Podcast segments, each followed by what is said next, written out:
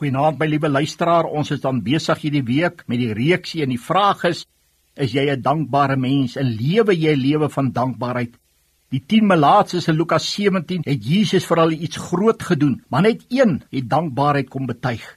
Ek ken 'n kosbare mens, haar naam is Jody Ann, en vir 7 jaar het Jody gebid vir 'n vleuelklavier en na 7 jaar toe gee God vir haar die klavier. En weet jy wat? Ek het so les by haar geleer. Toe sê sy nou gaan sy vir God 7 jaar dankie sê. Dankbaarheid bring mee dat ek nie net meer vir God wil vra nie, maar dat ek ook vir hom baie meer dankie wil sê vir alles wat hy vir my doen en beteken. Dankbare mense is gelukkige mense.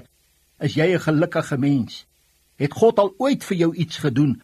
Was daar al iets wat mense vir jou gedoen het? Ja, verseker. Waarop kla jy? Waarop sit jy nou? Waarop gaan jy slaap? Waarna gaan jy vanaand dalk bad of was? Het jy water? Het jy kos? Het jy klere? Wanneer laas het jy jou hande opgehef en hierdie God aanbid en geloof en geprys vir alles? Hoeveel maal vra ons en hoeveel maal kla ons en hoeveel maal sê ons dankie?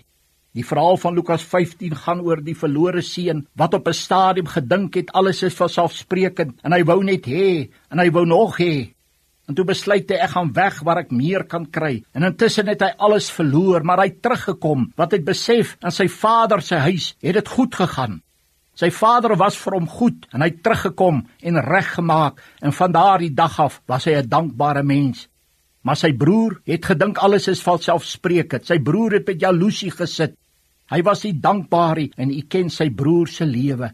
Daarom mag ek en jy ons Abba Vader loof. Hy's 'n goeie Vader Hy gee om. Hy stel belang, hy sorg vir ons.